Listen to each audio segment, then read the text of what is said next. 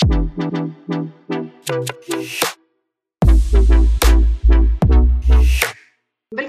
til Mennesker og maskiner, en podkast fra BCG. Sammen med meg har jeg min cohost Christian Haslestad. Og I dag skal vi snakke om digital modenhet. Vi har som vanlig fokus på strategi, teknologi og mennesker, og samspillet mellom disse tre elementene. Og I dag er vi så heldige å ha med oss eh, to av de aller fremste endringsagentene i offentlig sektor, nemlig Nav-sjef eh, Hans Christian Holte og Ruter-sjef Bernt Reitan Jensen. Hans Christian Holte er statsviter av utdanning. Han har vært innom de fleste offentlige etater og gikk nylig stilling, eh, fra stillingen som skattedirektør til rollen som Nav-sjef. Og i fanget fikk han da Nav-skandalen, koronakrise og nå, nå, sist alvorlige tilfeller av personvernbrudd. Hans Christian fremstår som genuint opptatt av å transformere Nav, og jeg har spesielt merket meg at aller høyest på prioriteringslisten står ambisjonen om å brukerorientere Nav. Nav skal bli enklere å forholde seg til, og møtet med Nav skal bli mer menneskelig. Bernt Reitan Jensen kan beskrives som tror jeg, en tech-savvy og entusiastisk økonom. Så savvy at han hacket baderomsvekten til naboen, har han fortalt meg. Så hver gang naboen stilte seg på baderomsvekten, så slo lyset eh, seg på på badet til Bernt. Eh, veldig, veldig morsomt. Eh, før Ruter var han inn, også innom, um, var han innom bl.a. Posten og Sporveiene. Da han tok over som sjef for Ruter i 2008, så fikk han Flexus-skandalen med seg på lasset. Og det første han gjorde, var å legge ned, eh, legge ned Flexus. Og det neste han gjorde, var å tegne opp bilde for fremtidens kollektivtrafikk. Og jeg tror at i dag må vel Ruter sies å være den fremste endringsaktøren innenfor kollektivtrafikken. Og kanskje, kanskje også trafikken eh, og transport eh, i stort i Norge.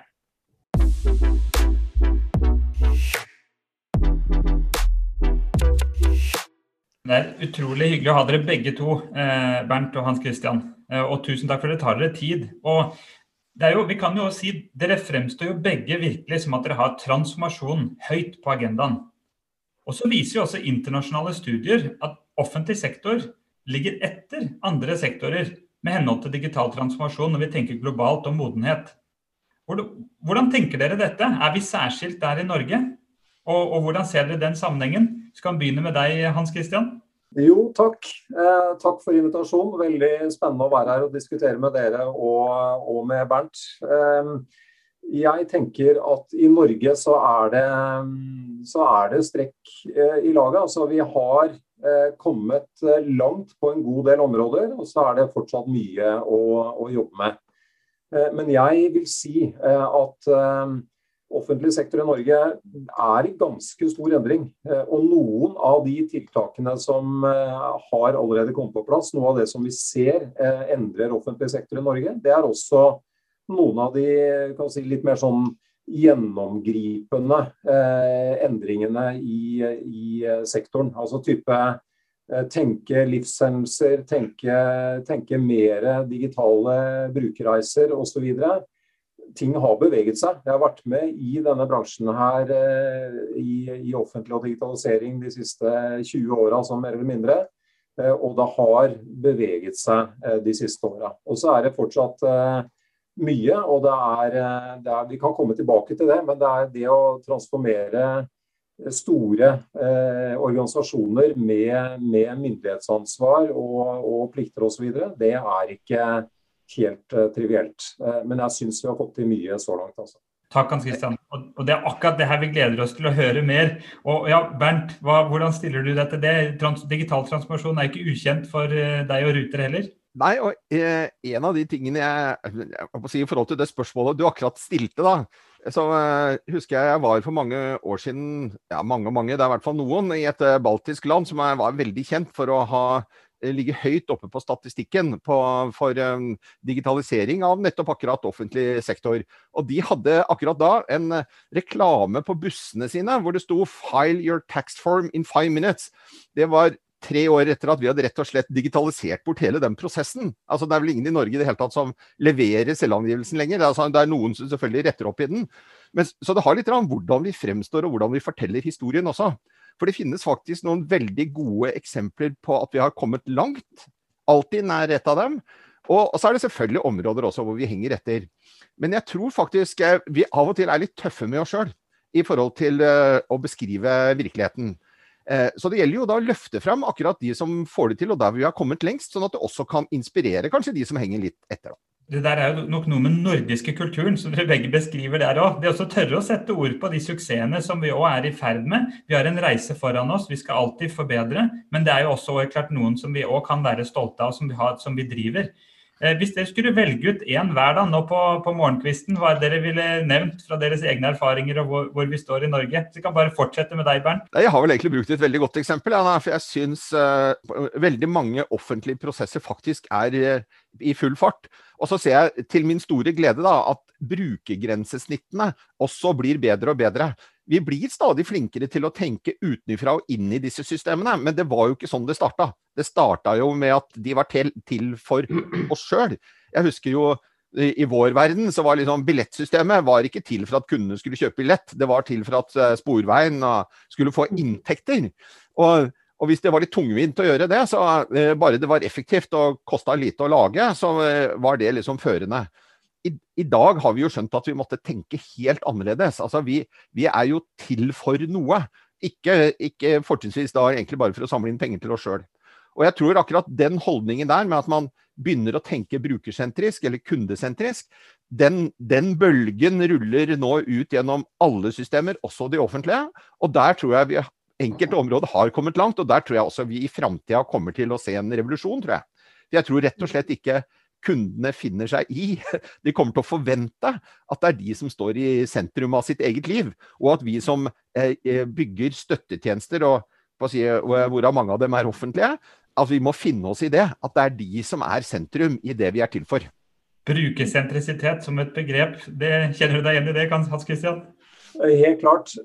Og jeg har veldig lyst til å spinne litt videre på, på det du sier, Bernt, og det, det perspektivet du har. fordi og da vil jeg altså bruke et eksempel fra, uh, fra min forrige jobb som skattedirektør. Uh, jeg har jo hatt gleden av egentlig å være i flere sånne offentlige virksomheter som, som jeg mener har vært langt framme i digitaliseringen av Norge. Eh, også der jeg er nå, bare for å si det. Det vil jeg gjerne snakke mer om.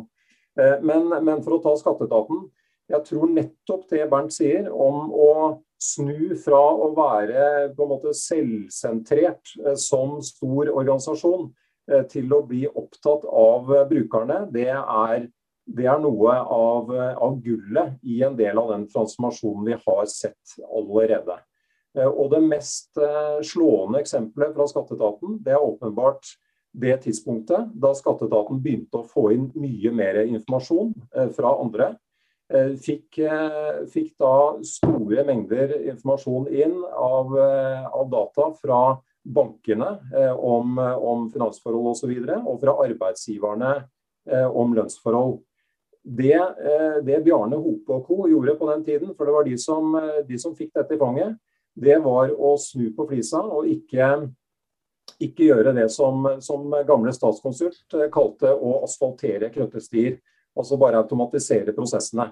Eh, det de gjorde, det var å si nei, nå skal vi ikke bare bruke den informasjonen vi får til å kontrollere deg som skattyter bedre, eh, og være enda bedre til å ta deg feil. Nei, det de gjorde var å si vi snur på flisa. Eh, vi fyller inn informasjonen, og så gir vi den ut til deg. Og så kan du kontrollere oss. Kan du si har vi gjort noe feil her nå? Dette er det vi vet om deg. Eh, nå har du muligheten til å gjøre korreksjoner. Jeg tror den, akkurat den dreiningen der, og som Bernt er inne på, den forhåndsutfylte selvangivelsen, eh, skattemeldingen nå, eh, som vi kan gå inn og gjøre justeringer på, er det noe som har også løfta fram skatteetaten i omdømmet til folk i Norge, så tror jeg det er akkurat, akkurat, det. Takk begge. Veldig gode eksempler hvordan menneske og maskin også smelter sammen, som dere setter ord på der. Anette, det vet jeg er noe du også er opptatt av? Ja, altså eh, vi, eller eh, I BCG så snakker vi om at fremtidens organisasjoner eh, Det som kjennetegner fremtidens organisasjoner, er at Eller digitalt modne organisasjoner, det er at de til det fulle evner å utnytte menneske og maskin. I en symbiose, at, at menneske og maskin nærmest smelter sammen. Og bioniske selskaper, eh, for å være liksom mer konkret, så har bioniske selskaper, eller digitalt modne selskaper, en modulær teknologiarkitektur som frigjør og tilgjengelig data, slik at data kan utnyttes til det fulle av autonome, kryssfunksjonelle team. Kan dere si, for å bli liksom, hakket mer konkrete, eh, hva, hva, hvor, hvor, langt unna er dere en sånn ambisjon i, i, i Nav og Ruter og offentlig sektor? Og hva opplever dere som den største utfordringen på veien dit? Jeg kan godt begynne. Eh, det er jo for det første så er jeg, jeg er litt usikker på helt liksom hvordan det målbildet ser ut. Da, hvor konkret eh, det er. Og det tror jeg kanskje er like greit. Altså, hver gang jeg har blitt bedt om å snakke om digitalisering, så har jeg endt opp med å snakke om mennesker. Altså, sånn, eh, fordi, fordi, menneskene er viktige. Og det å, å, å, bruke noen av de utgangspunktene for rett og slett hvordan vi er, og hvordan vi si, ønsker å interagere med verden rundt oss, hvis du, har, hvis du fokuserer på mer, mer, på det å skaffe deg innsikt rundt det, så blir det ekstremt mye lettere å håndtere all usikkerheten rundt digitalisering. Og Som et eksempel på det kan jeg bruke at vi, vi endret visjon i Ruter fra å være et kollektivselskap hvor det er lett å tenke sånn at vi skal bygge T-banenett, og vi skal fylle opp bussene, og vi skal eh, tenke eh, mobilitet, for det er på mange måter det eh, vi er til for, og vi kan skape. Men vi endret altså på det perspektivet til, til en ny visjon som var bærekraftig bevegelsesfrihet. Altså, Mobilitet og bevegelsesfrihet er faktisk ikke det samme. Bevegelsesfrihet er en opplevelse du som kunde har.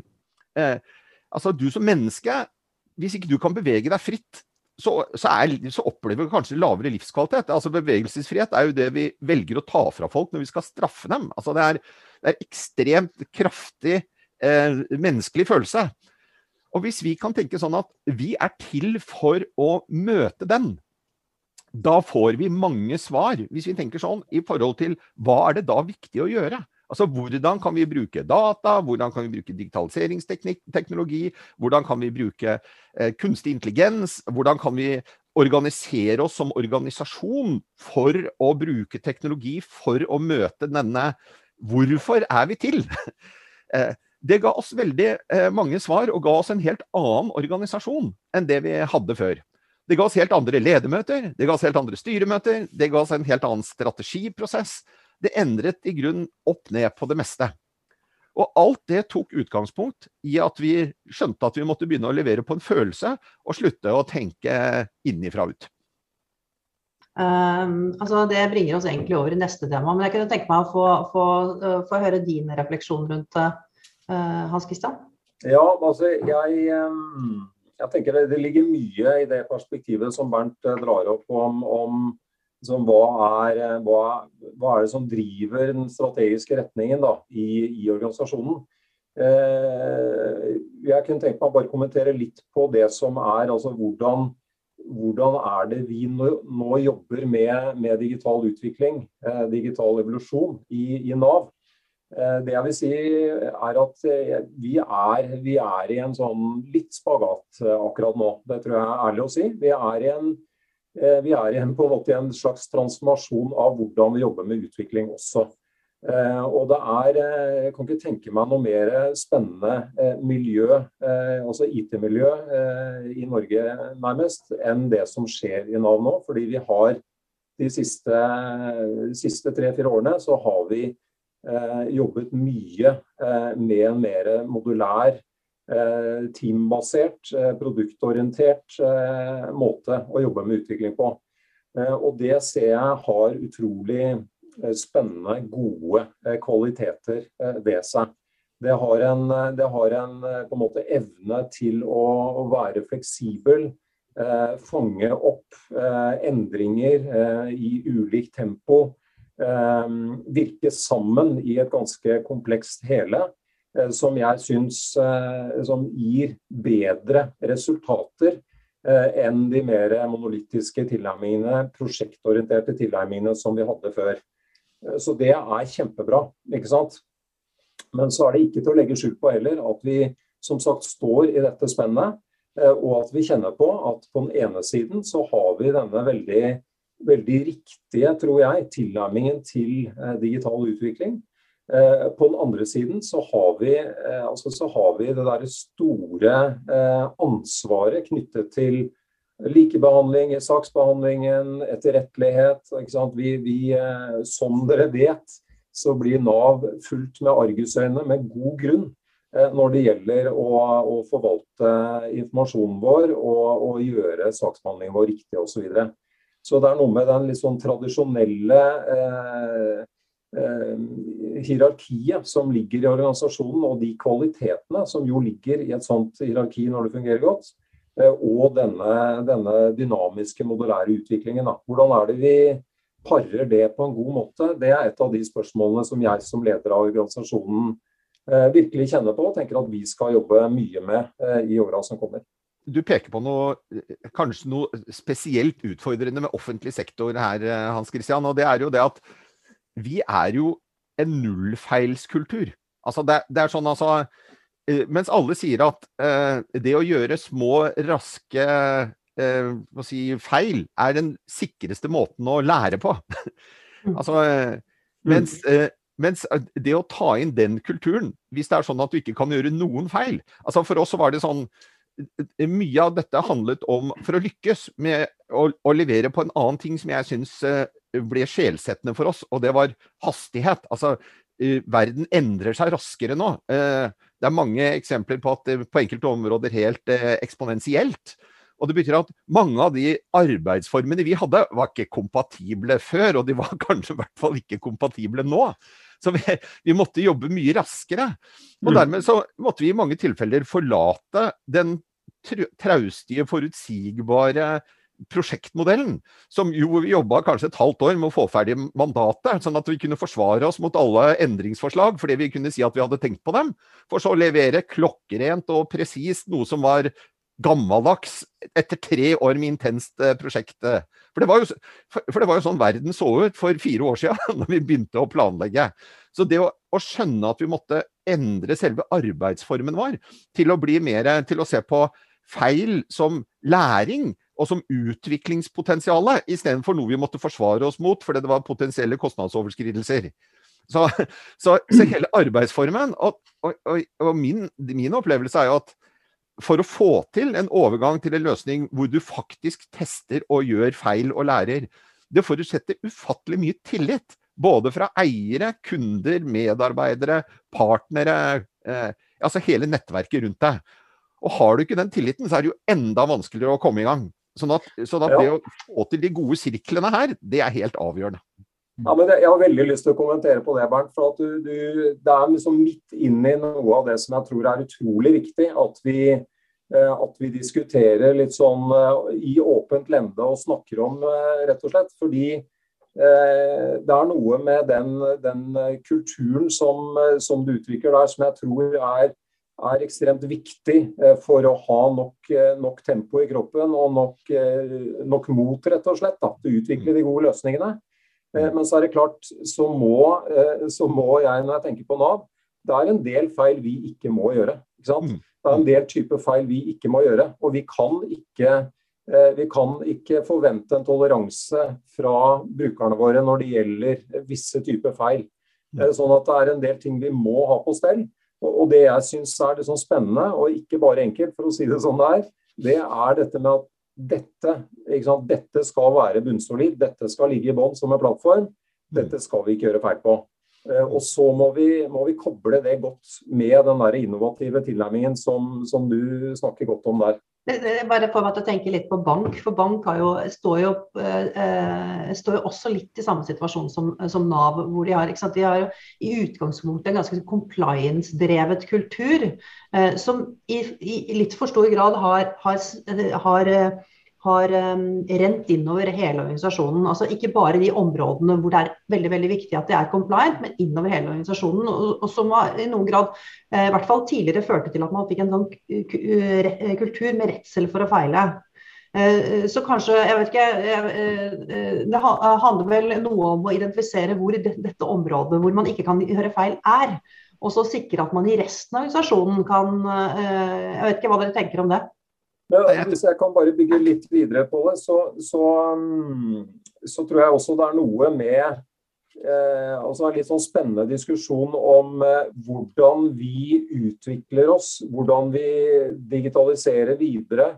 Sånn, hvordan sant, Vi jobber mer modulært, og, og, vi tenker at det er riktig. Og vi jobber, sant, vi jobber med, med, produktorientert modell og, og, og tverrfaglig team osv.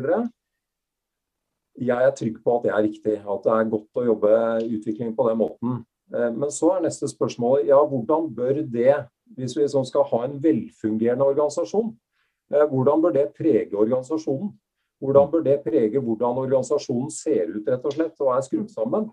Eh, og da, da, har vi noen interessante diskusjoner foran oss. fordi da, da, er vi også inne på, på det som på den ene siden er utviklingen. ikke sant? Komme videre, finne nye løsninger. Aldri tenke at vi er ferdig med et område, men ikke sant? det vil utvikle seg videre. Det, skal, det er ikke bare at nå driftssetter vi dette, og så tikker det i ti år. Nei. ikke sant? Det vil hele tiden være en utvikling. Men så er, så er det liksom hva, hva er da eh, forvaltningssidens plass i en sånn organisasjon? Eller det mer løpende, da. Det, det å ta, bruke de systemene som til enhver tid finnes, og, og, sørge for at folk får eh, dagpengene sine, at eh, arbeidsavklaringen går greit. Disse tingene her. Hvordan ser det ut trygt og godt og riktig og transparent og likebehandling i en sånn type innovativ utviklingsorganisasjon, da, hvis vi liksom drar det bildet av hvor vi ønsker å være.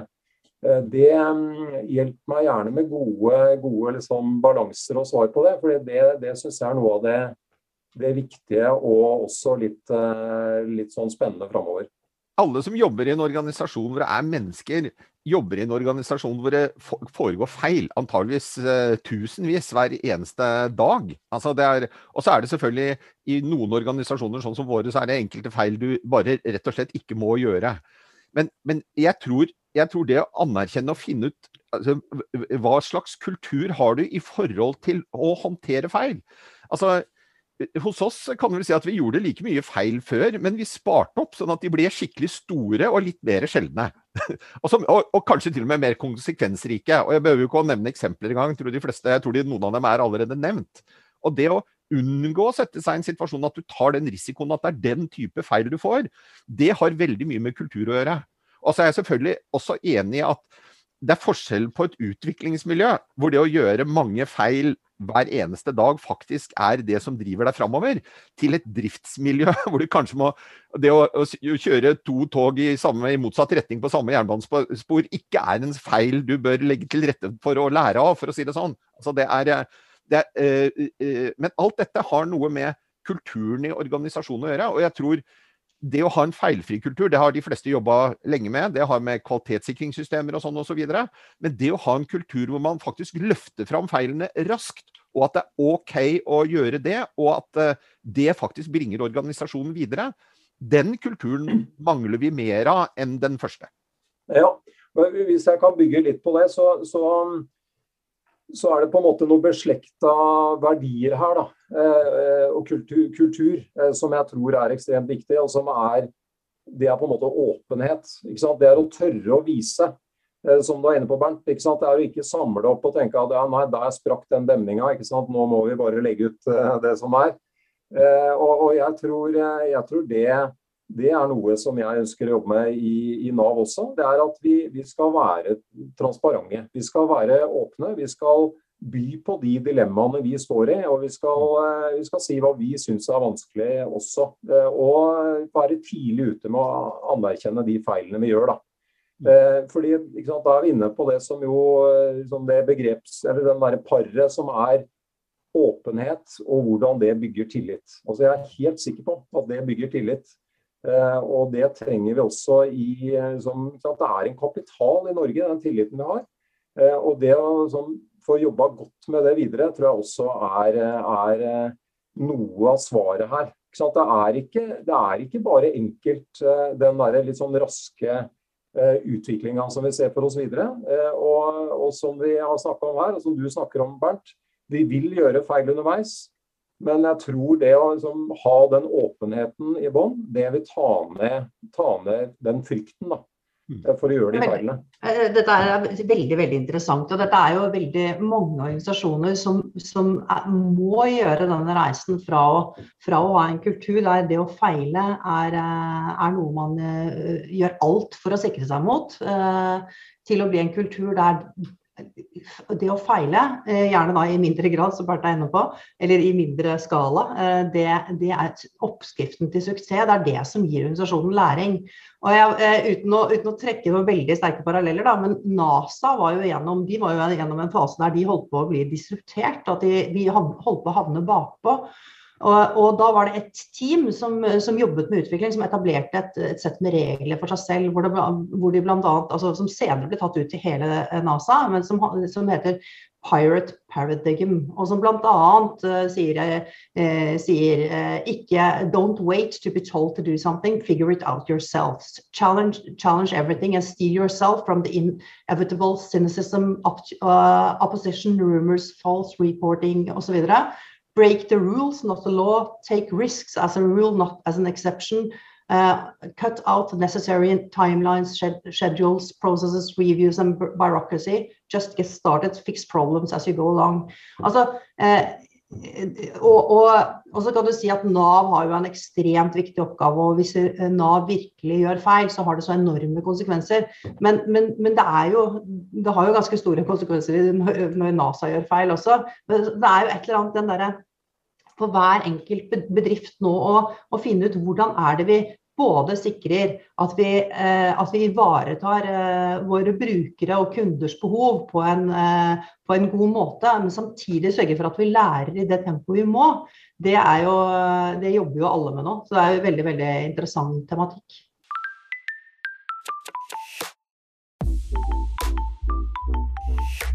Det er viktig å kommunisere rundt den kulturelle endringen som er nødvendig for å ta inn over seg hastigheten som dere beskriver teknologiutvikling ligger på. Vi hører dere også sette ord på hvordan er vi da faktisk og veldig praktisk driver endringer i måten å jobbe på. Men så er det òg et organisatorisk perspektiv. og man kan tenke i forhold til Hvordan er det vi samler mer tverrfunksjonelle eh, enheter, mer autonomi i teams, og så er det en operativmodell som ligger på tversen av det, og dere som leder står jo foran for å kunne legge til rette og muliggjøre en operativmodell som bygger tillit, men som gir autonomi. Og eh, Hvis dere kunne bare jeg det var så spennende, trukket fram sånn, et veldig konkret sånn spak dere hver har trukket i som leder for å kunne muliggjøre en, den operativmodellen som går på tvers, eller og hvordan dere har stått i for å muliggjøre da en kulturell endring, måten å jobbe på, eller en organisatorisk, organisatorisk endring. Skulle kunne trukket fram ett eksempel. Hvordan, hvis vi begynner med deg, Bernt? Jeg, jeg, kan si at uh, for at vi skulle klare temp dette tempoet, så måtte beslutningene tettere ut på der det faktisk skjedde. Altså Vi måtte trykke beslutningene ut i organisasjonen. Og da så vi, og, og, For å få til det, så hadde vi jo ikke tid til heller å drive og sende ting, eh, saker fra den ene avdelingen eller sektoren etter hverandre, sånn at det kunne liksom ligge litt i utkurven og litt i innkurven begge steder. Så, og det er jo selve definisjonen eh, kom vel eh, etter hvert også at dette, dette, har med tverrfaglige, autonome team å gjøre. Altså det, det, nytter ikke altså Alle må være til stede fra dag én. Representanter fra hele verdikjeden. Vi kunne ikke jobbe, jobbe liksom fra fase til fase, så kunne advokatene komme inn til slutt og skyte ned alt sammen. Altså det var sånn det, det, å, det, det, å, ha med seg alle representanter og unngå disse inn- og utkurvene, det speedet opp prosessene hos oss. Og, og da, blir, da, blir, det tverrfaglig, helhetlig team som, liksom, som, jobber med et helhetlig ansvar fra start til, eh, til slutt på et uh, prosjekt. Og så betyr jo ikke det at det, da forsvant alle organ, si, faglige sektorer og organisasjoner i, i, i, i, Ruter. Men de fikk en helt annen rolle i forhold til det å supportere disse prosessene. Jeg tror på et eller annet tidspunkt så hadde vi 23 autonome team i gang i, Ruter. Og det som egentlig har vært vår utfordring nå det siste året, det er å finne ut hvordan kan vi bruke all denne leveransekraften og koordinere den bedre mot, uh, mot sluttleveranser, altså mot strategiske leveranser. Så, men vi, vi, slapp løs en, en, motor i organisasjonen som, som mangedoblet uh, produksjonsevnen vår. Det er faktisk nesten sånn at vi måtte liksom det ble mer, Istedenfor å, å drive opp tempo, så var det mer et sånt spørsmål om hvordan kunne vi liksom uh, trimme så vi ikke slet ut folk, som i enkelte, enkelte, faser eller enkelte roller ble eh, utrolig energiske, fordi de opplevde at de fikk en større helhet å jobbe med, og kunne være mer fra start til mål i noen av disse prosjektene. Og For å få til det, så måtte vi jo kutte noe sted. Så, som du sa, da vi begynte med å kutte 75% av ledermøtene. ikke sant? Sånn at uh, og, og, at vi som da sitter i toppledelsen av selskapet, fikk, helt, et, fikk et helt annet ansvar. Istedenfor å liksom uh, sitte og håndtere fullmaktsstyrt saksbehandling, så tok vi ansvaret for den løpende strategiutviklingen. For vi så jo også her at det å lage en strategi hvert fjerde år og trykke den opp med glansa papir, det ble en høyrisikoprosjekt. Altså Det var i prinsippet utdatert den samme, den, den, på si, samme måneden vi hadde lagd den. Så vi byttet ut den prosessen med et målbilde. Vi, vi la mer arbeid ned i et målbilde. Et hvorfor, hva er vi til for? Og så satte vi ledergruppa i gang til kontinuerlig å jobbe med den strategien. Og følge de pilotene og de sandboxene som vi har satt i gang. Nemlig den spissen hvor vi henter inn innsikt om hvordan vi tror framtida kan komme til å bli. Det ble hovedoppgaven til eh, ledergruppa. Og så må jeg være ærlig da og si at eh, det hender det passerer en eller annen fullmaktssak eller en investeringsbeslutning fremdeles. Altså, så vi har ikke blitt helt eh, si, Sitter ikke bare på den skya. Men akkurat det der å ha ansvaret for det som skjer fra sekund til sekund. Altså Ruter er en organisasjon som blir dømt av kundene fra sekund til sekund. Samtidig som vi er i et av de mest disruptive markedene hvor de største endringene skjer. Som gjør at vi som toppledelse må kunne begge deler. Er jo nesten som en slags uttalt schizofreni. Men samtidig så gir det jo et fantastisk spenn, en fantastisk dynamikk, og, og et uh, veldig spennende sted å være. Og det har jo gjort at vi også rekrutterer og har etter hvert en fantastisk miks av folk hos oss. Nemlig de som er gode på at ting skal fungere fra sekund til sekund, fra dag til dag. Sammen med de som er gode til å utvikle, og som kan se hvor organisasjonen danne, hjelpe organisasjonen å danne et bilde om hvor vi skal være i framtida. For Det er jo klart, det er vel for dere begge. og nå, Hans Christian, Dere står jo også i en utrolig og spennende reise. og jeg vil jo tro mange oppgaver som, er, eh, som, ligger foran dere på en reise som Bernt beskriver.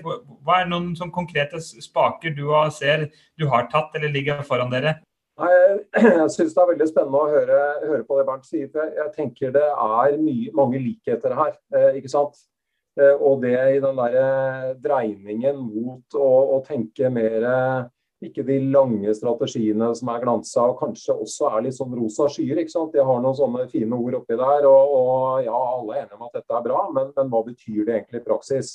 Så det å liksom dra den strategien eh, ned til å bli noe som er noe som faktisk gir noen konsekvenser i de løpende, ikke sant, de løpende vurderingene vi gjør, eh, det har jeg sett veldig stor verdi av.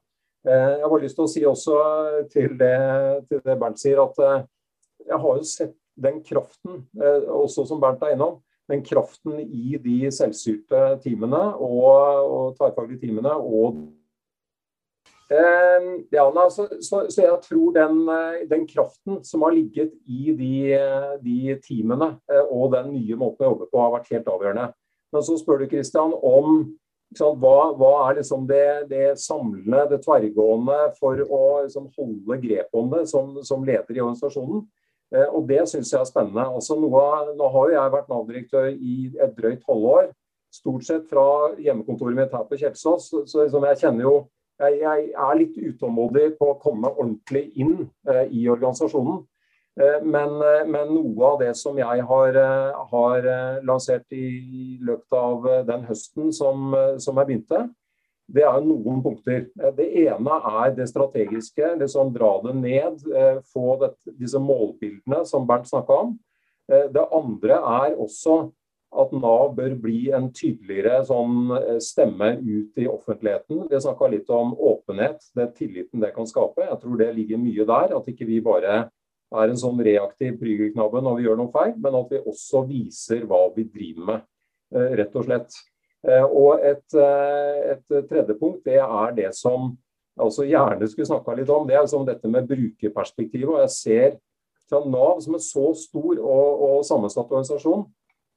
Alt vi gjør, alt disse produktteamene gjør, vi må ha den der gjennomsyrende bruker, eh, brukerblikket eh, på det vi gjør. Og da veit vi, der er det mye som vi kan Eh, gjøre bedre i organisasjonen enn det vi, det vi så langt har fått til. Det er bl.a. en organisasjon hvor du kan risikere å få ett svar på ett tidspunkt fra en del av Nav, og så får du et annet svar på et annet tidspunkt fra en annen del. Så Det er åpenbare ting eh, som vi skal jobbe med der.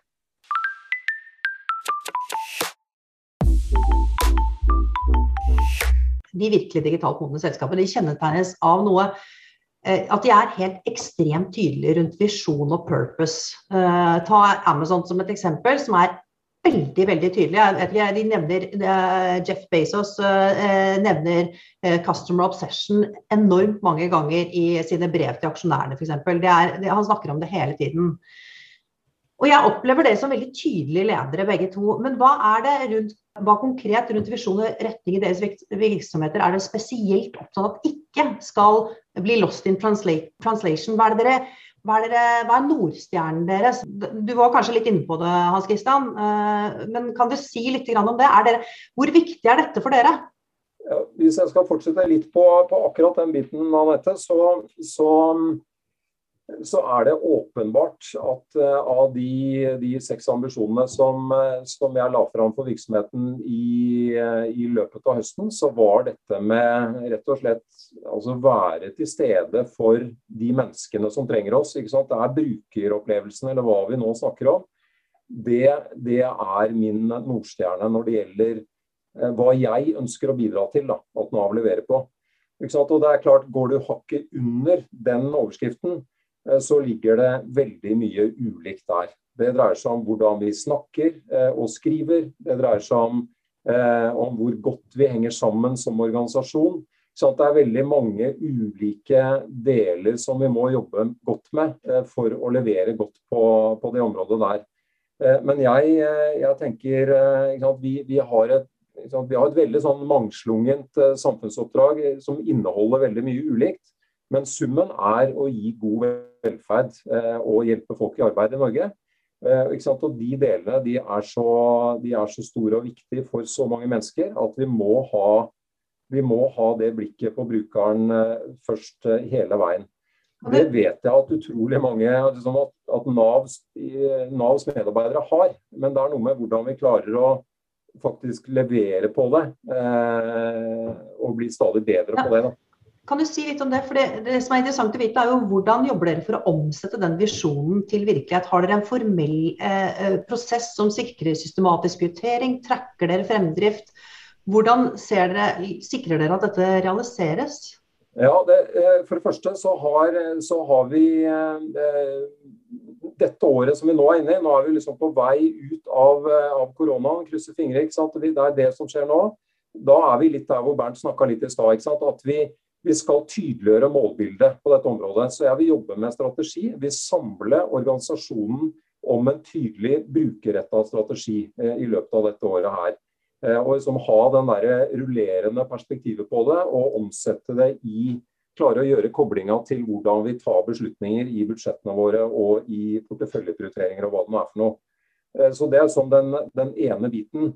Eh, og så har, eh, har, vi også gått i gang med noen konkrete oppdrag som jeg har gitt i løpet av fjoråret, som tar noen biter her som jeg mener vi bare må gjøre noe med middelbart. umiddelbart.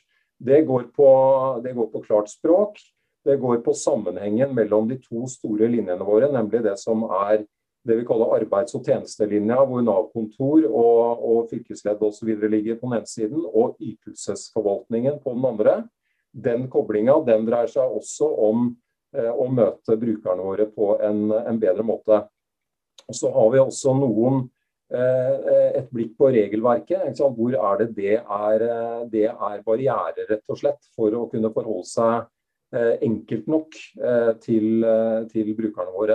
Så vi har noen sånne spor som jeg ønsker noen litt sånne raske leveringer på. Og så, så ønsker jeg også at vi skal jobbe med med denne, denne, mer strategiske arbeidet, og liksom bruke den helheten vi får der, til å samle organisasjonen mer, eh, målrette organisasjonen mer mot en mer sånn brukerorientert eh, utvikling. Da.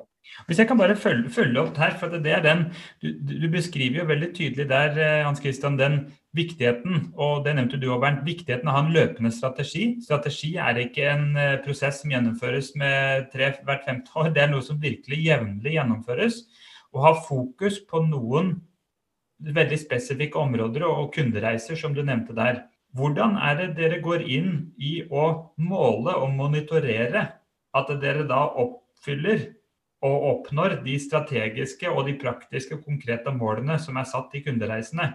Jobber dere da med fra igjen til agil metodikk, en OKR, metodikk Objectives and Key Results? Er det mer tradisjonell måltalls-KPI-kaskadering i organisasjonen? Hvordan, hvordan, jobber dere med det der, og akkurat det for å sikre den transparensen rundt hvor dere står, og følge opp framdriften? Jeg kan vel si at OKR er et ord som har havna på Teams-bingoen vår. Sammen med 'du er muta' og de andre uttrykkene som er eh, Ja, eh, i høyeste grad. Og det er jo en krevende og spennende eh, oppgave. For mange av dette er jo ikke helt tradisjonelle mål. Og, og vi f.eks. har jo funnet ut, hvis vi mener eh, altså, Svaret på det forrige spørsmålet er, er, jo egentlig for å ta det først, er at jeg egentlig allerede har fortalt den historien. Så viktig er det hos oss at vi går fra å være målstyrte, altså bærekraftig bevegelsesfrihet, at vi skal skape det for eh, innbyggerne i denne regionen. Og, eh, og da er bevegelsesfrihet et, et, et, et veldig si, eh, purpose-fylt mål. Altså det er og hvis alle hos oss jobber med å se sitt arbeid i den konteksten, så fører det jo til helt andre beslutninger eh, i mange tilfeller. Og når det, gjelder å måle det, da, eh, da, må vi jo faktisk stille de spørsmålene hos de som skal oppleve resultatet av arbeidet vårt, og ikke bare i vår egen organisasjon. Og det, er, eh, det har vi holdt på med det, i halvannet år, og det blir stadig bedre. Og jeg kan, jeg kan, si at En av de tingene som har hjulpet oss veldig, er den andre delen av vår visjon, nemlig bærekraftig. Så vi har rett og slett tatt FNs bærekraftsmål inn i organisasjonen og bygd OKR-en vår rundt den. Eksempel, så er et av de åtte målene vi har plukket ut, mindre ulikhet. Og da har vi jo sett at kollektivtrafikken har en stor rolle når det gjelder å skape mindre ulikhet i samfunnet. Og det har vi jo ikke målt mye av før. ikke sant? Sånn at det, det, at vi har fått et helt annet bibliotek av mål inn i organisasjonen som er hensiktsmål, har hjulpet oss til å tenke helt nytt uh, rundt uh, dette. Så, så akkurat det Eh, vi så jo at eh, det var liksom en litt sånn gave å få de målene. For veldig mange av fellesskapet, eller de politiske eh, grunnene for i det hele tatt å ha innflytelse over transportsystemet, er jo knytta til akkurat nettopp disse bærekraftsmålene. Så derfor så ble det å ta bevegelsesfrihet og ta bærekraftig og sette det sammen, og sørge for at det blir bevegelsesfrihet for de mange, og ikke for de, for de, få på bekostning av de mange, er akkurat den rollen vi kan tilføre i dette utrolig spennende mobilitetsmarkedet, som kommer til å få helt andre og spennende aktører som til i stort omfang vil være drevet av de mulighetene som den teknologiske utviklingen vil gi eh, de neste ja, Kanskje allerede de neste to-tre årene så kan egentlig vår hverdag være snudd på hodet. Så vår evne til å møte det vil være helt avhengig av hvor gode vi er til å gjøre akkurat det vi, vi nå egentlig har som tema i denne samtalen. Bare en knagg på det du sa der, eh, Bernt. Det er det med digitaliseringsfokus driver innovasjon. Innovasjon er en motor for bærekraft og hvordan vi går inn i bærekraft. Og, og da hvordan bærekraft og digitalisering er en integrert og samkobla mm. Eh, eh ting. Det syns jeg er veldig spennende. Og Det er noe som jeg tror også er en motor i hvordan vi kan gå inn i digitaliseringsarbeid framover. For det er jo ingen tvil om at det bærekraftsansvaret vi har, og, og, fokus som kommer, er økende. Og det er der allerede i dag. Eh, så jeg syns det var bare en veldig spennende refleksjon du tok opp, og den koblingen der. Noe, hvordan kjenner du deg igjen i det, Hans Christian? Jeg tenker at det er, det er um, Her er det her er det veldig mye som, eh, som egentlig peker mot eh, store muligheter da, som vi ikke har, eh, har utnytta godt nok. Og, og, for Nav sin del så tror jeg altså, vi har en god del arbeid som skal gjøres når det gjelder liksom, å finne den derre gode, gode oppfølgingen av hvordan vi liksom, leverer på disse, disse strategiske ambisjonene våre. da. Eh, og der, tror jeg rett og slett vi må tenke litt nytt eh, og, og jobbe godt med det. Men det er, er sånn, i hele offentlig sektor så er det en sånn eh, gradvis dreining bort fra sånn tradd mål-resultatstyring som er ganske aktivitetsbasert, ikke sant? Over, til, over til noe annet. Så det er, det er også en, sånn, en diskusjon i seg sjøl, er hvordan det som vi nå snakker om, og som kanskje jeg kanskje styres hardere på enn deg, Bernt, Eh? Eh, det er sånn type Hva er det som eh, er kravene som stilles fra Finansdepartementet gjennom KS-regimet og, videre gjennom Arbeids- og sosialdepartementet når jeg skal ha penger til sånn større satsing f.eks. Og hvordan er det, det styringsregimet der? Hvordan, hvordan, henger det sammen med de tankene vi snakker om her i dag? Da? Det, er, det er heller ikke helt, helt, helt trivielt. Men jeg tror, jeg tror, noe av det som, det som er, er, også spennende når vi ser framover, det er hvordan vi, hvordan vi altså ser på den, den, kraften som er i, i, i disse løsningene og, og, den utviklingen. Og så tenke hvordan vi skal sånn, trekke brukerne også inn i, i, utviklingsvurderingene våre på en bedre måte. Der tror jeg også vi har, eh, har en del å gå på. Ja. Hvis jeg kan legge til, så er det, altså, det alvoret bak dette. Altså, det er jeg også opptatt av, og det har vi snakket om uh, før også, Hans Christian. at uh, vi, Eh, vi har jo tradisjoner i Norge for at vi har en sterk offentlig sektor som vi, selv om det er noen eh, skandaler og kriser i ny og ne, jevnt over er ganske glad i og har ganske høy tillit til. Fordi den betyr at demokratiet faktisk har innflytelse over veldig viktige deler av eh, samfunnet. Enten det er undervisning, helse eller si, eh, transportsystemene, for den saks skyld. Og nå er vi på mange måter på vei inn i en perfect storm. altså der hvor, hvor data, digitalisering og kundesentrering endrer alle disse områdene sterkt. Og på en måte som vi med våre strukturer, enten det er stivhet eller på si, tungvint byråkrati eller feilaversjon, egentlig har litt krevende forutsetninger for å lykkes med. Mens de som lykkes, og som kommer inn som konkurrenter her, egentlig har alle forutsetninger for å lykkes på disse områdene. Enten de er globale dataastronomer eller, eh, eller astronomiske kjemper, eller de er ekstremt kundeorienterte. Eh, så betyr det at hvis vi ikke henger med i timen, så kan det hende at ingen savner oss hvis vi ikke klarer å levere gode nok tjenester. Men eh, det betyr i hvert fall at den, sin, den demokratiske innflytelsen over disse områdene kan eh, enten gå tapt eller i hvert fall bli vesentlig svekket. Så det er i hvert fall en av de, timene, en av de tingene som virkelig inspirerer oss og meg. At som liksom gir oss kraft til å kjempe på. så vi, vi, Det er ikke noe tema å ikke lykkes med dette. Fordi vi spiller faktisk med veldig stor eh, fallhøyde. Og jeg skulle ønske kanskje flere forsto i alle disse sektorene hva, hvor stor denne fallhøyden faktisk er, og hva som kreves av oss.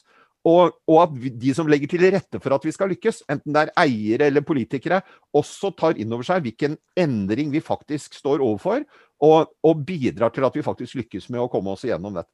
Veldig, veldig spennende. Um, er, det noe, er, det noe, konkret du skulle ønske at dere fikk uh, sterkere støtte til? For det første så tror jeg vi må bygge innsikt. Altså jeg tror, jeg tror stadig flere som tar beslutningene i samfunnet, faktisk må uh, bruke tid på å forstå hvilken disrupt hvilke distributive endringer vi potensielt står overfor. Og Når jeg sier potensielt, så er det fordi at jeg mener de er sannsynlig. Man skal jo generelt være skeptiske til folk som mener de veit noe om framtida. Men jeg tenker i hvert fall sånn Hva hvis vi får rett? Eh, mm. Hva, hva, er det da mm. som skjer? Hvor godt forberedte er vi da? Mm. Så dette handler om å være forberedt, og så handler det jo veldig mye om det vi har snakket, i dag, om, snakket om i dag. Vi må få opp farta. Vi må, vi må lære oss mer om si, om framtida. Vi må komme tettere på kundene våre. Kanskje det siste er det aller, aller viktigste. Altså, mm. vi, vi, jo, vi, vi, lente oss før på statistikk. Vi, vi spurte hva kundene gjorde for uh, ti år siden, og hva de gjorde i forfjor. og Så trakk vi en strek igjennom og så sagt sånn kommer de til å gjøre i framtida. Det er stadig mindre og mindre rett. Sånn at det vi gjør nå, er å finne en del av framtida vi tror kanskje kan komme til å skje. Så tar vi med oss kundene dit, gjerne i en pilot, og så leker vi litt sammen med dem og prøver å forstå hvordan de i en sånn situasjon tar beslutninger. Det bruker vi til vår strategi nå. Og så bruker vi mindre og mindre av den statistikken, selv om noe av den faktisk er, eh, er viktig for oss enda. Men det å få til den balansen og den innsikten, det er kanskje noe av det viktigste vi må lære oss. Ja, jeg tenker at uh, brukerbesatthet uh, var et uh, ord du nevnte i stad, knytta til Amazon osv jeg, er, jeg, kjenner på en sånn brukerbesatthet og tror det er utrolig viktig eh, for Nav som organisasjon å ha, ha det med seg. Og liksom jobbe, liksom, eh, kjenne på hva vi er til for.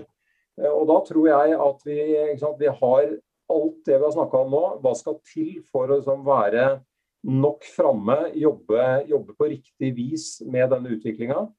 Samtidig så, så, er det utrolig viktig at vi tenker også på hvordan er det vi skaper et et varmere, bedre Nav. Et Nav som faktisk er mer til for brukeren gjennom de endringene vi gjør. Så det er noe med at den digitale evolusjonen som vi ruller videre i organisasjonen, at den også eh, gir rom for eh, å møte alle de som har altså, veldig mange ulike behov. Eh, at den gir rom for å jobbe enda bedre med, med hele arbeidsformidlingsbiten. Så det er, sånn, det er, så tunge samfunnsansvar som ligger her, som dreier seg rett og slett om å hjelpe mennesker i, i Norge. Så, så, det er noe med å sette den digitaliseringsambisjonen, den er helt sånn framme i skoa-holdningen som, eh, som, Bernt uttrykker kjempebra her. Sånn, den sammen med sånn, det vi skal levere på. Da.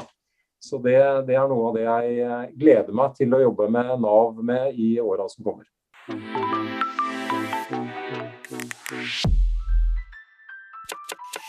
Men jeg tenkte å gå litt tilbake men Anette, eh. sorry.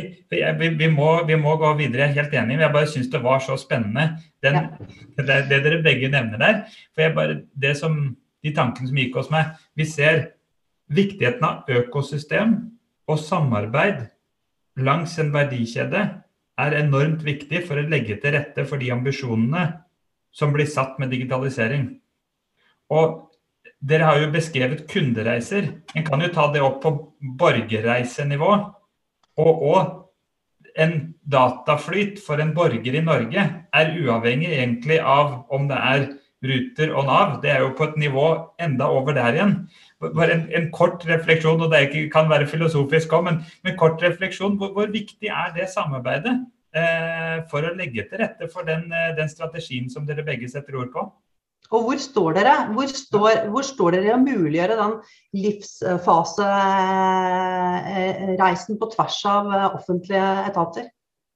Hvis, hvis, jeg kan begynne litt der, så, så her, eh, her, eh, møter jeg meg sjøl i mange dører, egentlig, føler jeg. Fordi her er det jo både samarbeid mellom skatt og Nav, og det er Digitaliseringsdirektoratet, som tidligere var Difi osv. Men men, eh, men, jeg tenker at dette er i bevegelse, men det er ganske mye som fortsatt eh, må på plass her. Eh, det jobbes bra med en del eh, av disse litt sånn større brukerreisene. Disse sju livshendelsene som ligger i, i digitaliseringsstrategien til regjeringen. Så det er kommet et stykke på vei der det som jeg syns er, eh, er, interessante tema i den der brede offentlige debatten om hvordan, hvordan, eh, det offentlige Norge henger også bedre sammen da, for oss eh, som, som borgere i Norge, det er liksom, hvordan er det vi gjør de koblingene. Er vi gode til å dele data? Dette har Bernt og jeg også snakka mye om. Der tror jeg liksom, tenker vi moderne nok på hvordan vi deler data. De prinsippene som vi skal ha for deling av data verdisetting eventuelt av deling av data mellom offentlige og private aktører. Helt sånne grunnleggende, viktige, prinsipielle eh, spørsmål. Eh, felleskomponenter som på en måte jeg føler jeg har vokst opp med i forvaltningen og, og jobba med som Difi-direktør og sånn. Eh, er, det, er det liksom eh, Hvor langt kommer vi med den retningen? Eh, og hvordan skal vi jobbe mer modulært også på tvers av offentlig sektor? Det tror jeg er et viktig spørsmål mm. eh, å, å, diskutere. Eh, og, og, de der eh, grunnleggende kvalitetsstandardene som vi må stille eh, til hverandre på tvers eh, i det offentlige. Personvern eh, som et viktig stikkord her. Hvordan balanserer vi den, det behovet for utveksling av informasjon for å skape den helhetlige offentlige sektoren med et trygt og godt personvern? Her tror jeg de aller fleste i ledere i offentlig sektor de kjenner at de står i et krysspress. For de får høre på den ene siden dere må samarbeide bedre. På den andre siden får dere høre at det er livsfarlig å dele informasjon, og dere må passe på å ha hjemmelen i orden, og, og sånn og sånn. Så det er en, en begrensning eh, som også ligger i personverntenkningen knyttet til hvor lett det er å dele informasjon på tvers eh, i ulike sammenhenger. Så, så jeg syns også en spennende diskusjon på dette området her, det er hva er, hva er de riktige prinsippene å legge til grunn for hvordan personvernet ivaretas? Det er et prinsipp som i utgangspunktet bidrar til silo, eh, som er sånn at eh, du gir samtykke, men du gir samtykke til én organisasjon. Eh, og så kommer du på en måte ikke lenger med det samtykket. Så det er noen sånne diskusjoner som jeg syns er også ganske, ganske viktige inn i det sporet der. De går jo veldig hånd i hånd. Altså, eh, vi, vi, vi, gjør jo digitale modenhetsmålinger på tvers av veldig veldig mange bransjer og sektorer. Og det, det som kjennetegner digitalt modne selskaper, er at eh, alle sentrale data governance-roller går hånd i hånd med lederroller i, eh, i virksomheten. Og at de har tydelig definerte modeller for samarbeid i hele organisasjonen. De minst modne de kjennetegnes av at man ikke har noen dedikert rolle som styrer data på tvers av selskapet overhodet. Og selskapet i deres eh, kontekst er jo, er jo, nesten offentlig sektor, hvis du skal tenke at, eh, at disse eh, livshendelsene skal gå eh, knirkefritt. Hvor, hvor, hvor, hvor, høyt er dette på agendaen, og hvor langt er dere kommet på dette? Jeg kan jo begynne å, altså, dette, dette er veldig komplekst, og jeg tror Jeg skal ta to eksempler. da.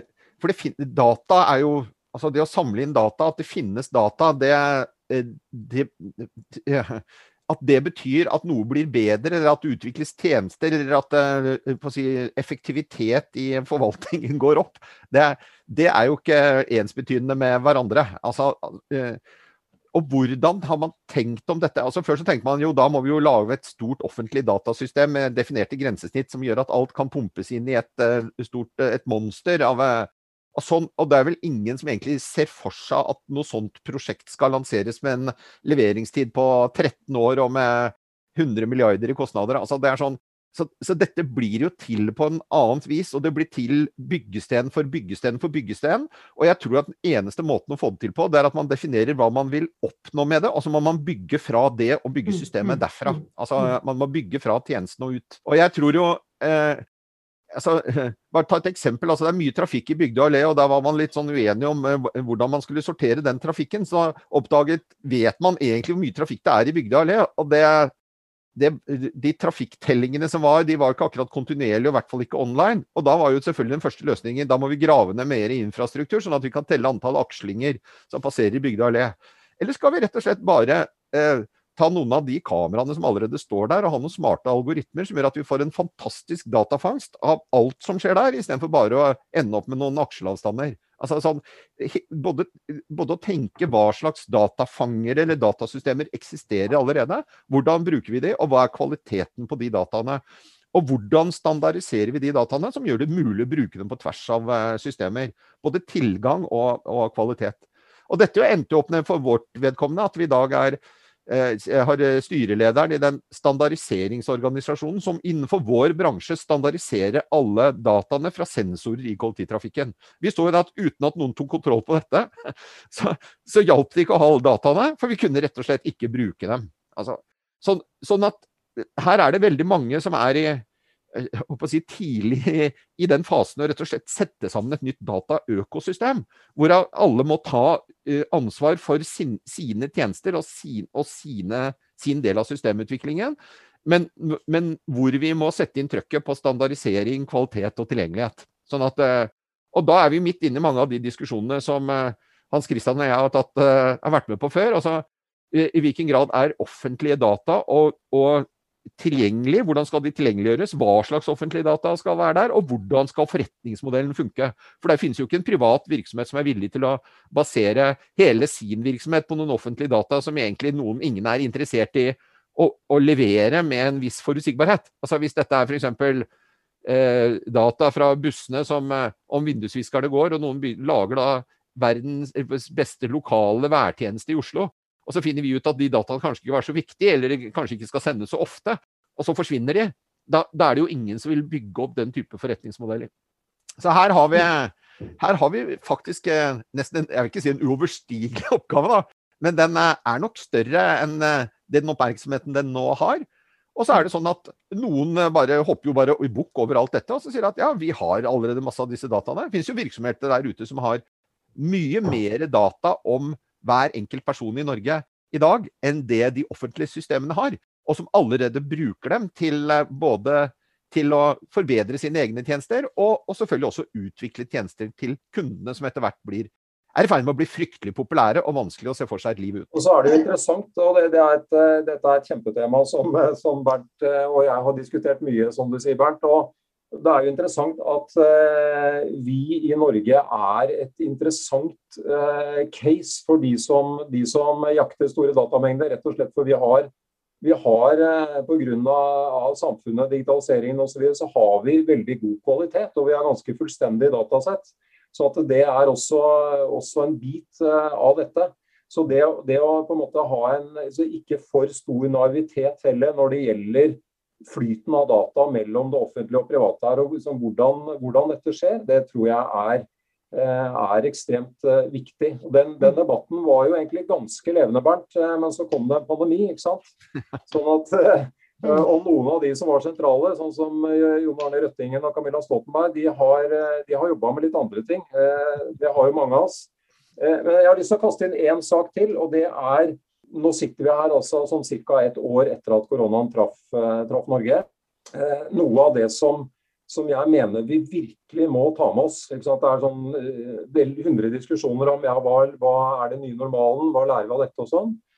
Jeg tror at noe av det vi virkelig må ta med oss, det er de erfaringene vi har på eh, utvikling av nye tjenester, løsninger i det offentlige.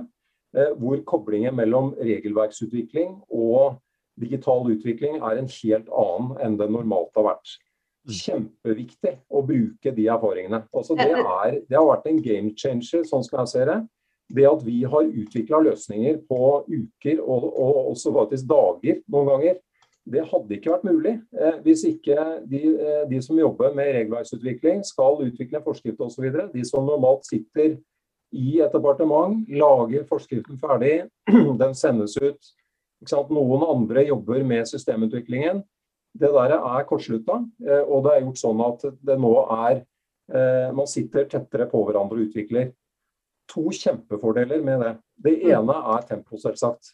Eh, men det andre er også kvalitet. Det andre er også hvordan man har lykkes med å utvikle løsninger som, som umiddelbart blir sjekka ut med virkeligheten. Vil dette fly i praksis?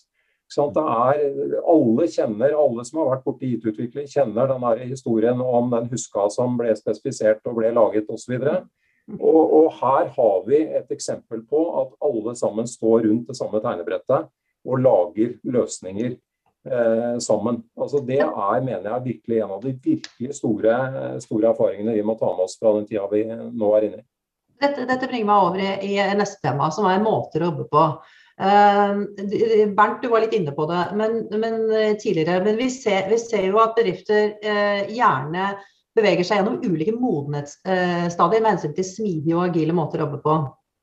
Eh, de starter gjerne med agilt i lommer av organisasjonen, eh, hvor teamene opererer uavhengig av hverandre. og Etter hvert som disse teamene øker, og det er kanskje der dere er nå, Bernt, så oppstår det utfordringer og, eh, og behov for, sikre, for, å sikre sterkere styring og alignment. Det vi ser når vi ser på ulike modenhetsstadier, er at ofte så når man kommer til det stadiet, så går man et skritt tilbake og så definerer man en pilot for å finne frem til én måte å jobbe på som faktisk lar seg skalere.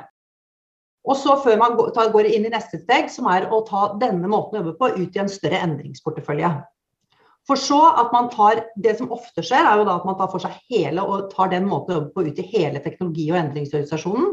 Og så er det to steg etter det igjen, hvor det ene handler om å ta det ut av endringsorganisasjonen og kanskje ut i støttefunksjoner eller andre deler av organisasjonen.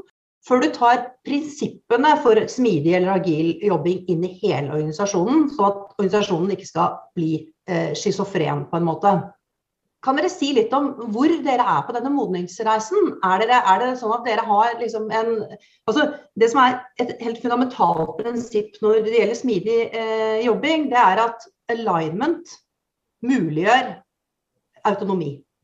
Og jo større alignment du lykkes å få i organisasjonen din, jo større autonomi kan teamene ha.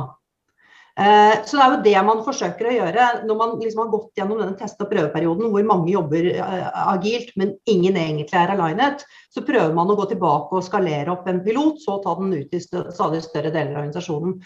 Har dere noen refleksjoner om hvor dere er på den reisen? Jeg, jeg, vet ikke, men jeg kjente igjen helt beskrivelsen din i forhold til hvordan vi jobba. Og det, det kan hende at det, det er det, altså, men uh, For jeg savna litt altså, Det hørtes ut på meg som uh, uh, oppskriften på en litt sånn fremmedgjort toppledergruppe.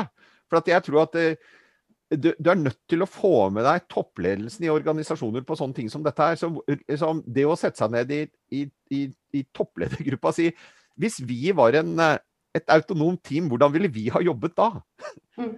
ikke sant? Sånn at, så at du blir komfortable med Og så ikke, ikke da liksom sitte og få rapportene fra organisasjonen og se og høre hvordan dette går, og så behandler vi den på sakskartet, hvis du skjønner hva jeg mener. Altså, vi må, du, må walk, du må kjenne på de, både de mulighetene, men også de utfordringene som organisasjonen har, i, i toppledelsen i selskapet. Eh, på den måten så tror jeg du kan både være i forkant av utfordringene, og du kan forstå, de, de, eh, forstå dem når de oppstår underveis.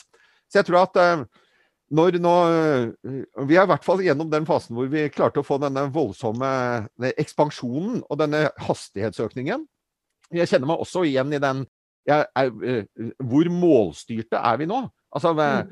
Og, og, dermed så, så, steppet vi opp uh, på å si målbildeutvikling. å rulle ut tydeligere mål og lese målene tilbake igjen til uh, toppledelsen i organisasjonen, som kunne se er dette forstått. Altså, er det, er det, jobber vi med de samme målene, eller har vi bare den samme slideserien liggende på, det, mm. på, si, på, på hjemmekontoret?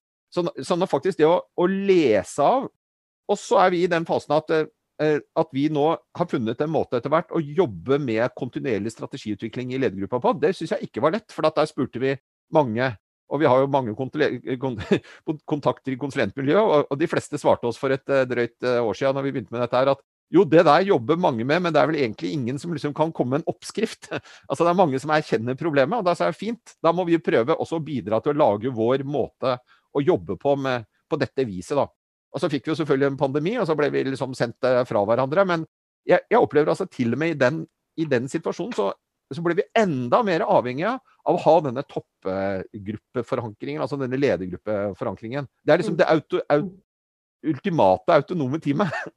Men, uh, jeg, jeg, vet ikke, men jeg, En artikkel jeg liker veldig godt, heter uh, 'Agile starts and stops uh, at the top'. altså Det er jo ledelsen som, som, er helt kritisk for å få dette til å, til å fungere. Og i veldig tidlige faser av, av liksom, agil eksperimentering så skjer det jo gjerne nedenifra og opp. Det, skjer jo ikke, det er jo ikke noen Toppledelsen er ofte ikke involvert i det i det hele tatt.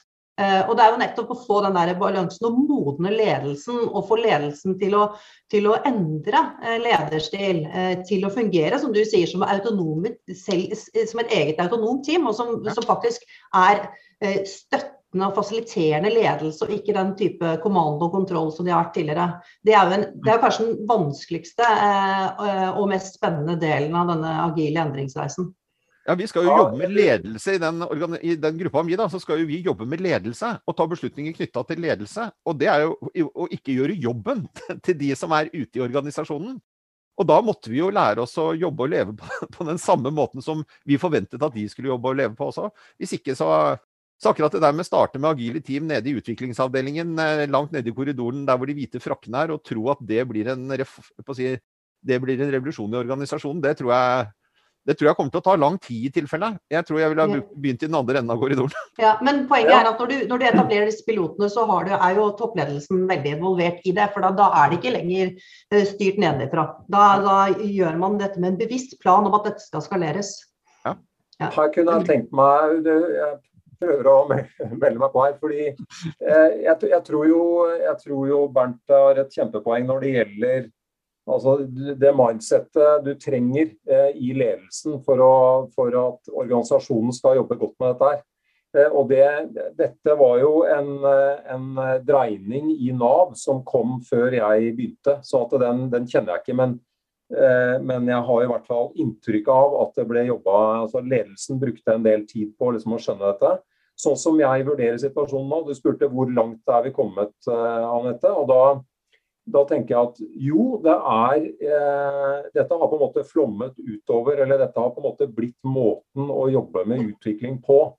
Og så er det, så er det på en måte øyer av eh, litt sånn eh, tradisjonelle, kanskje, men, men, altså, det er hovedmåten å jobbe på eh, med, med, utvikling. Eh, og så er det Eh, og så er det klart det er viktig at ledergruppa har det perspektivet. Det, det er jeg helt enig i. Så det må på en måte matche den, eh, den måten. Men det som jeg syns er vanskeligst, da, eh, og som jeg gjerne skulle fått noen Det som liksom er sånn crossover mellom, mellom det tradisjonelle byråkratiet og denne måten å tenke på som vi snakker om nå. Hjelp meg med den, da, vær så snill. For det er jo det som er vanskelig for meg. Eh, det er jo ikke det at eh, vi sliter som mennesker, altså det er det òg, eh, for all del, Bernt. At vi sliter som mennesker med å liksom, gripe den nye måten å tenke på. Men det er å kombinere den Grensesnittet. med det tradisjonelle byråkratiet, mm. med sine verdier og Navs ansvar for å gi riktige ytelser og alt dette her. ikke sant? Mm. Eh, hadde vi bare vært et sånn arbeidsformidlingsdel av Nav eh, som hadde, hadde, det perspektivet, da mm. hadde jeg ligna mer på Bernt, tror jeg. Da hadde det vært litt mer sånn.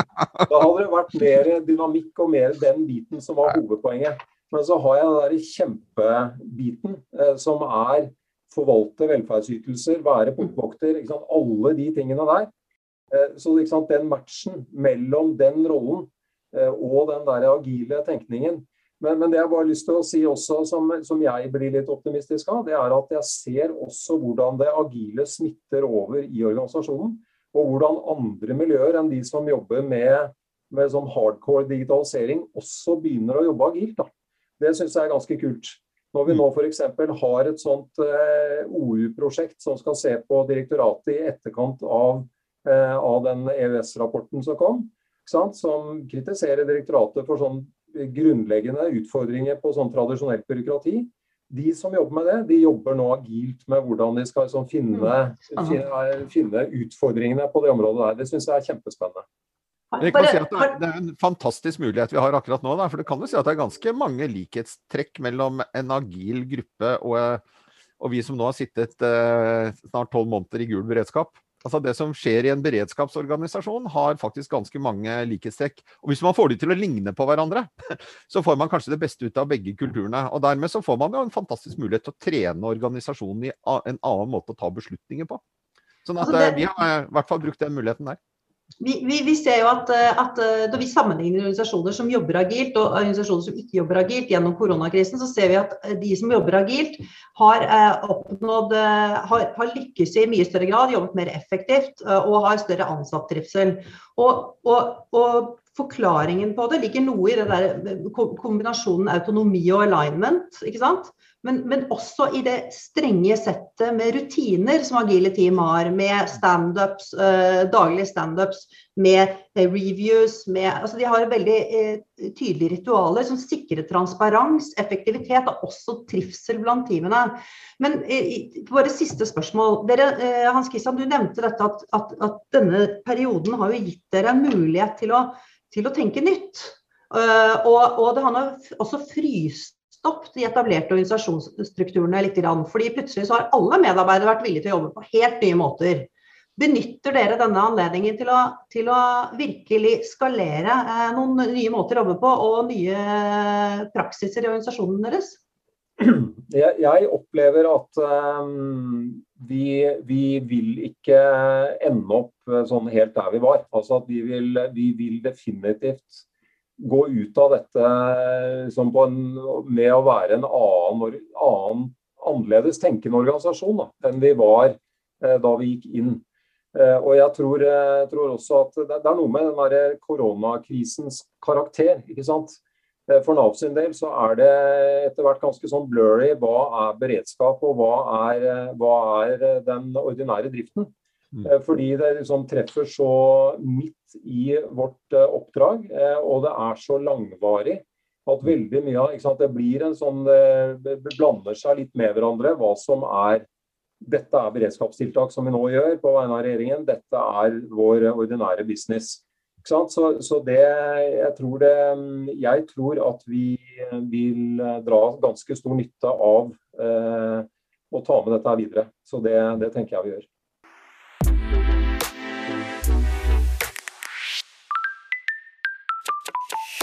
Hvis, hvis dere også skulle gitt deres ledertips til andre som lytter og, og, andre i forhold til hvordan er det dere nå står i overgangen fra en overgang til en ny normal? Hva er det deres tips er i forhold til hvordan å stå i en videre digitaliseringsreise som leder? Bernt, jeg ser du smiler litt. Vil du, vil du begynne? Det er sånne monsterspørsmål. Eh, altså, eh, jeg tror jeg vanligvis er veldig forsiktig med å gi andre råd altså, i forhold til hva de skal gjøre i sin virksomhet. Men eh, jeg, jeg, jeg, lærte noe en gang av han eh, Picard som fløy jorda rundt i denne Solar Impulse. Han gikk ikke til flybransjen for å forstå hvordan han skulle klare å fly med, på solenergi, for de sa det var umulig. Og Han sa også at eh, det, det, det, du aldri må slutte å gjøre, altså innovasjon og, eh, og framgang er ofte knytta til å stille de mest fundamentale spørsmål til det du holder for mest sant. Det er det som er litt, virkelig litt vondt. Og jeg tror at en sånn situasjon vi er i nå, hvor uh, limet er litt ute av herderen eh, Nei, herderen er litt ute av limet, er det vel riktig å si. Uh, det er en unik anledning til å stille noen fundamentale spørsmål rundt virksomhetene våre.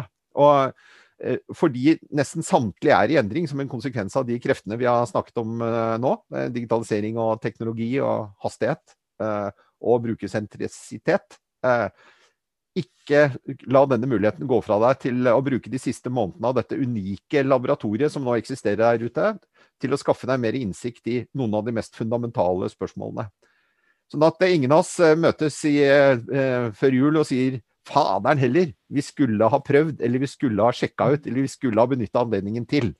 Det er, midt oppi alt det som er trist med dette, så tror jeg eh, det å ha det mulighetsfokuset, det, den muligheten får du ikke igjen hvis du ikke tar den nå tydelige ord å ta med. Og, og hva med deg, Hans Christian? Jo, jeg, jeg, tror jeg vil eh, Jeg syns Bernt var innom et, eh, et, veldig viktig poeng som jeg tenker også er sentralt for meg når jeg tenker hva liksom, den overgangen eh, til, eh, til, etter koronaen. Eh, du var innom det der med at eh, ledergruppa må liksom også kjenne på hva det er å være et sånt eh, autonomt eh, tverrfaglig team, Bert. Og det, det, er liksom et eksempel på noe jeg tror jeg ønsker å bruke da, i organisasjonen. Det er noe med at vi husker et sånn gammelt konsulentuttrykk som vi brukte på slutten av 90-tallet. som det var sånn japansk, tror jeg. Go to gemba. Det var liksom Du skal ut i virkeligheten, ikke sant. Og du skal, du skal fange opp Eh, hva som skjer der, eh, det ønsker jeg også at vi gjør i denne overgangen. Så vi må forstå våre, eh, de gode utviklingsmiljøene. Jeg hører at vi, vi, vi har stor tro på at de, de, gjør veldig mye riktig. Så liksom det å som, eh, lage den avstanden mellom, eh, mellom toppledelsen og organisasjonen eh, kort nok til å liksom få den synken godt på plass, det, det er en av mange ting. Fantastisk spennende å snakke med dere. Tusen hjertelig takk for at dere tok dere anledning. Vi, vi gleder oss til å lytte til dette også, ikke bare delta. takk til Bernt og Hans Christian for en spennende og fascinerende episode. Og takk til deg som lytter. Menneske og maskiner er tilgjengelig på alle store podkastplattformer. Følg oss gjerne på plattformen du foretrekker. I neste episode tar vi opp viktigheten til styret når selskaper setter ut på transformasjonsreiser, og får besøk av Walter Kvam og Birger Magnus. Dagens episode ble produsert av Vilde Lindqvist og Tommy Nodland.